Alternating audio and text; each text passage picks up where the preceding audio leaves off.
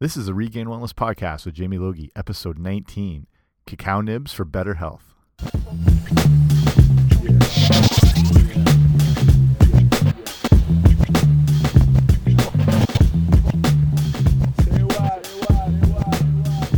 Hey guys, what's happening? Welcome back to the podcast. This is episode 19, one niner. 19, Steve Yzerman, Joe Sakic. If you don't watch hockey, those numbers will mean nothing to you. If you're 19 in Canada, it means you're allowed to start drinking. So I guess that's something right there. So today we're talking all about cacao nibs, and this is going to relate to the dark chocolate episode, which is episode number eight. And everything we talk about today or that episode I'll put up in the show notes, which you get by going to regainwellness.com slash 019, 019er. And while you're at it, while you're at the website, you can check out all the other articles I have, other podcast episodes. You can do the email sign up form, which you can get by going to regainwellness.com slash guide. And when you do that, I send off the ebook I have for free called the Healthy Eating Starter Kit for free.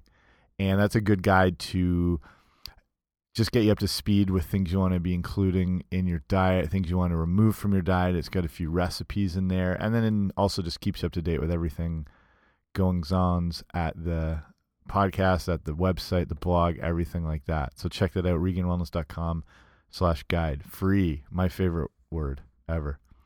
And with this episode, cacao nibs are something not everyone is completely familiar with. And even the word cacao throws people off. Why is it not cocoa? So, just to get that out of the way quick, cacao is the actual plant. It's where we get the cacao bean from, which becomes cocoa. So, the whole thing is known as cacao. When the process happens to start turning it into various substances like powders or chocolates eventually down the road, that's when it becomes cocoa. But the raw form is cacao. So that's what we're talking about today cacao nibs. They're a little tiny, raw, broken up bit of the bean that has been roasted and treated, but it's not very processed. So it's one it's the most pure form of chocolate you can pretty much get. They look kind of like chia seeds. They're small, but they're more of a jagged, broken up piece, which comes from the, the roasting and the processing of them. So they have a surprising amount of health benefits. So this is my golden ticket for you today. And it's not about a factory with a short, creepy orange labor force working for it and a indoor stream that's the same color as uh, the Hudson River. But these nutrient dense little snacks are a perfect go to for mixing in with other foods or if you're making your own things like granola or energy balls or anything like that. But they work as a great snack just on their own. And basically, like I covered in episode eight on dark chocolate, the history of chocolate goes back quite a long way. And mankind's had quite a love affair with chocolate and just listen to that show you get a little bit more of the history i'll give you a little bit right here but we just want to remember we're talking about the purest forms of chocolate and not milk chocolate or sugary chocolate or the stuff i get at a gas station because i just forgot it was valentine's day again we're talking real pure when we're talking dark chocolate we're talking at least 70% cacao solids in it ideally 90 even more um, and the history, though, goes back quite a long way. The Aztecs were the real first society that kind of developed and were big into chocolate, so a good four to 5,000 years ago. And they were grinding up cocoa beans and combining them with other ingredients to make things like drinks and porridges. And you can actually find the ancient recipes for some of these concoctions that you can even make to this day. I'll put a link to a few of those recipes on those show notes again. So regainwellness.com slash 019. And yeah, you can follow right along with making exactly what they did. These old style drinks were not, that was the primary way they consumed them, but they wouldn't be like a nice creamy hot chocolate, but they, these concoctions were really thick, foamy, very bitter and very gritty type of drink, and most often you needed a straw to consume them.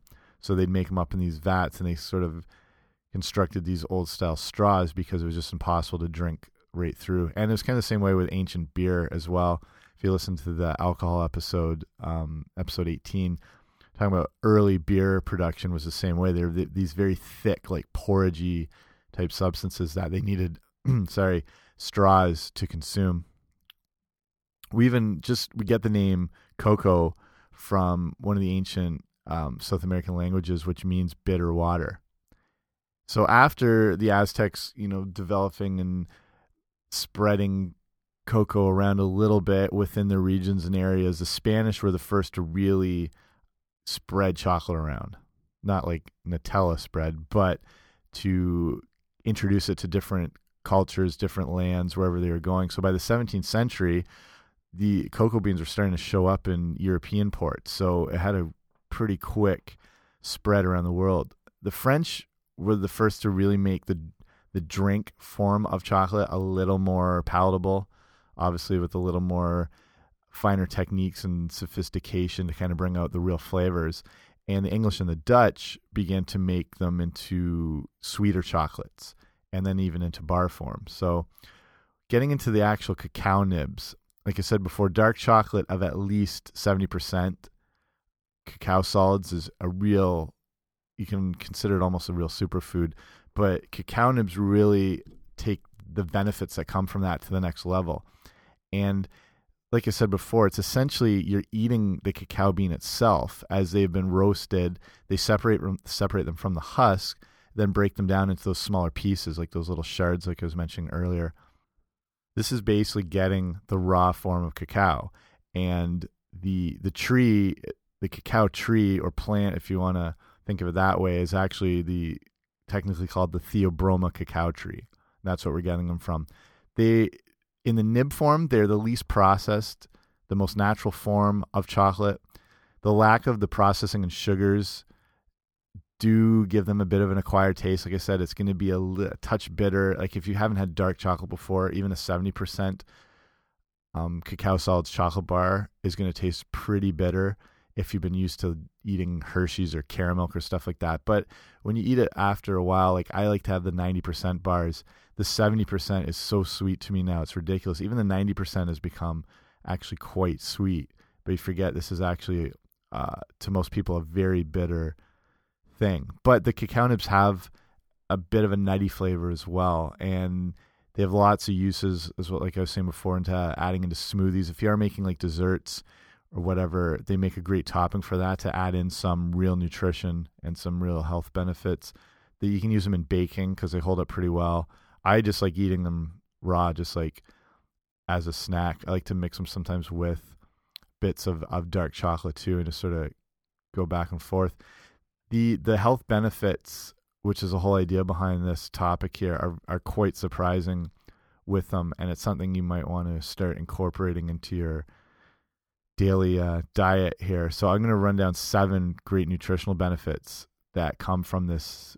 It's a truly ancient ingredient and still available to today and something I think we really should make use of going back to these these classic ingredients. So the first thing and probably the biggest reason to eat cacao nibs or dark chocolate in general be antioxidants. So antioxidants can be its whole like a whole show into itself, which I'll probably cover soon. But the basic um, takeaway lesson here is that antioxidants help fight off free radical damage in the body which can cause DNA damage, uh, premature aging, even cancers. Think of antioxidants as kind of firefighters putting out a blaze, and free radical damage in the body is akin to oxidative stress and it's think of it kind of like a rusting process and almost like a burning and antioxidants disarm these free radicals and the damage they cause and cacao is one of the highest sources of antioxidants by far Second reason, uh, beneficial nutrients and health benefits it provides is flavonoids. And the flavonoids come from plants and can be responsible for giving pigmentation and colors to the plants as well as being involved in the UV filtration. They're similar to anti antioxidants in that they have a free radical scavenging capacity and have anti cancer properties, while some other flavonoids show potential for anti HIV function. So, very powerful compounds. We get flavonoids, most people are aware from fruits, vegetables. They're also like in, in red wine, which I covered a lot in the alcohol episode as well. Teas contain flavonoids, and there's a significant amount come from cacao. So essentially, the antioxidant activity that comes from a food comes from these flavonoids. So, third health benefit in cacao nibs, they can help fight cardiovascular disease. So, since there, there's such a positive relationship between intake of flavonoid rich food, such as cacao, and the, the lower rates of cardiovascular related mortality, in the 1930s to the early 50s, flavonoids were actually referred as a vitamin. They were referred to as vitamin P because of the effect they had on the permeability of vascular capillaries in the body. And I've got a study here that I'll put up in those show notes, and it showed that as little as five grams of cacao powder is sufficient to elicit uh, a really significant that vasodilation of the brachial artery. So a real benefit in in fighting cardiovascular disease, and it's amazing the connection they can have to heart health. Just that this this thing that exists in nature has the ability to create these reactions in the body is is phenomenal in my eyes. So fourth thing, which is a lot of one of the big reasons a lot of people turn to things like cacao nibs, chia seeds, these kind of little classic ingredients is fiber. And there's a huge amount of fiber in just a one ounce serving of, of cacao nibs, nine grams which is a ton. And with one ounce serving not being a, not a big serving at all. So fiber important for controlling blood pressure, blood glucose levels. This fiber can also help lower blood cholesterol, and obviously the, you know, what most pe most people are familiar with with fiber is for you know bowel movements and keeping things regular. So I think you and I are close enough now. We can talk about keeping things regular and all that great intimate stuff. But fiber is not just about that. It's ability to help with like I said, the blood glucose levels, blood pressure, lowering blood cholesterol is, is amazing. Again, fiber is something we really need to be understanding more and incorporating into our diet because most people aren't getting any good form of fiber. So if you are eating large amounts of vegetables, decent amount of of fruit, other things like these, like cacao nibs, chia seeds, you're you're going to be really helping yourself and probably getting a decent amount. But the average person is barely getting a serving or two of vegetables a day, so they're missing out on all the potential benefits that come from fiber. So adding in things like cacao nibs are going to be one of those great ways to get fiber with such with its huge content of fiber in it. Number five is uh, for health benefits that come from cacao nibs is magnesium and we're learning a lot more of the benefits of magnesium and how it is a really essential mineral.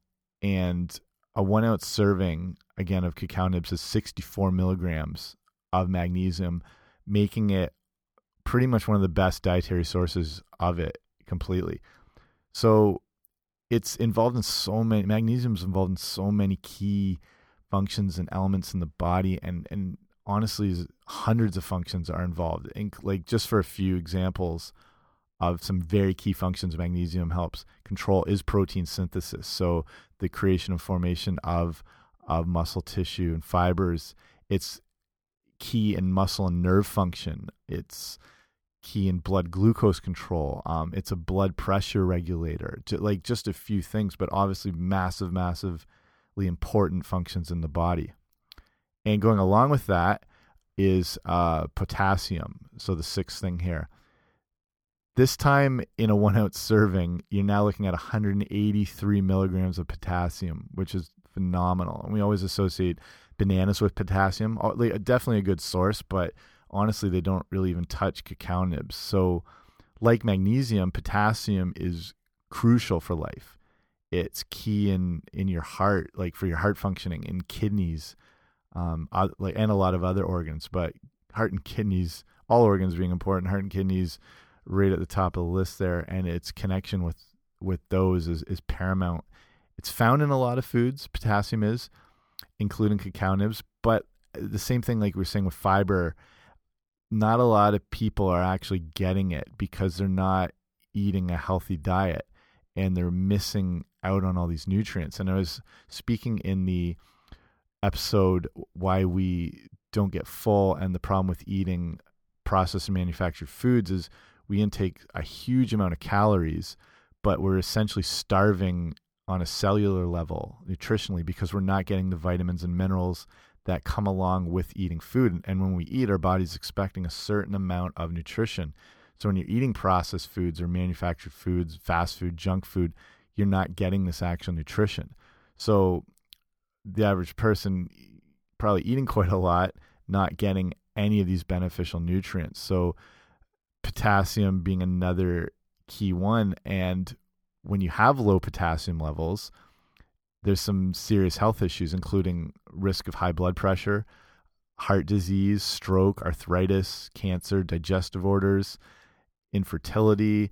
It's uh, associated with a lot of uh, issues and functions in the body, so it's needed regularly. And the average person, again, not getting it because they're not getting a diet that's rich in like real natural whole foods. Seventh thing here, and connected more with with chocolate and most people are familiar with is the idea of improved mood.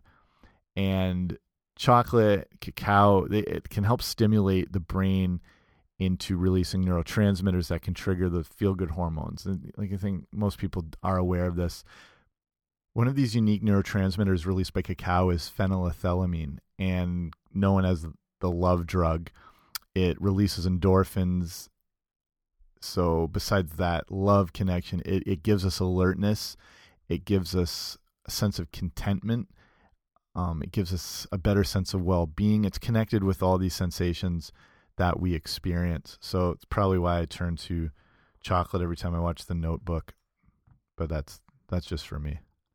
So that's the quick rundown on the benefits of cacao nibs. And there's quite a lot of science that actually goes behind the the study of the nutrients and compounds and these things that provide awesome health benefits and they're easy, like i said easy to incorporate into your diet look just for an ounce a day which is not a lot and they're not the easiest thing to find but the one resource i've found that is a gold mine are bulk food stores bulk barns, bulk barrels, depending where you live.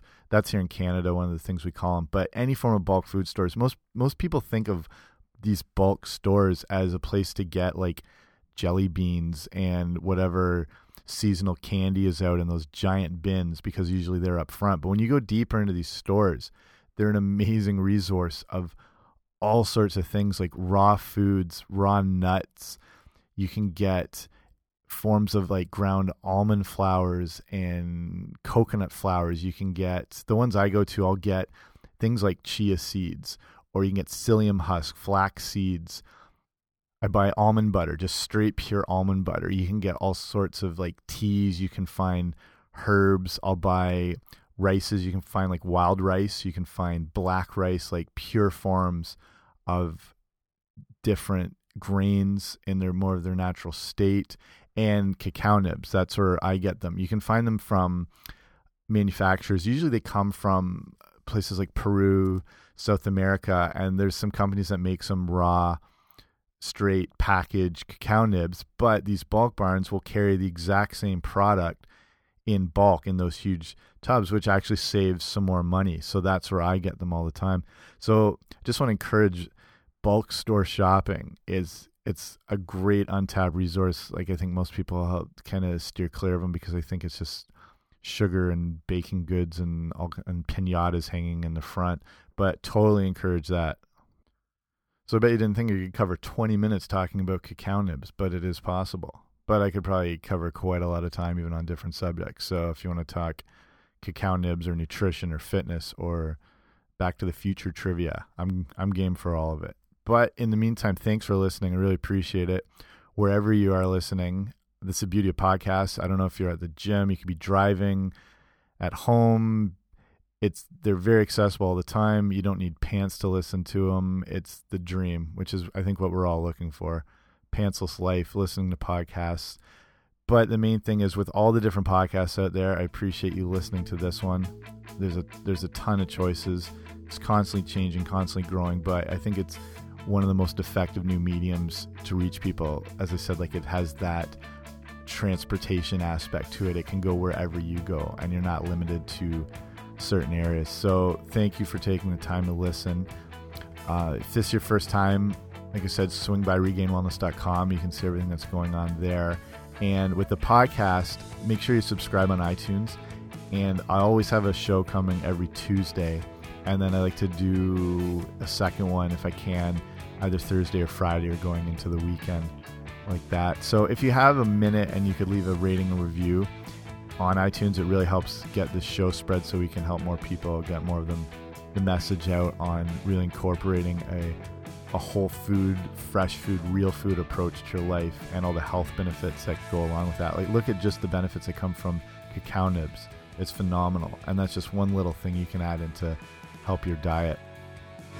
So I mentioned a few episodes ago I have a an ebook coming out called Taking Back Your Health, which will be up soon. If you're interested, I'll link to all that when it's available if you're listening. But keep checking back at the website because you'd be kept up to date with everything there. And just in your process of getting on the road to health, wellness, fitness, better lifestyle, the key thing to take away, like I say each episode, is the idea of progress and not perfection.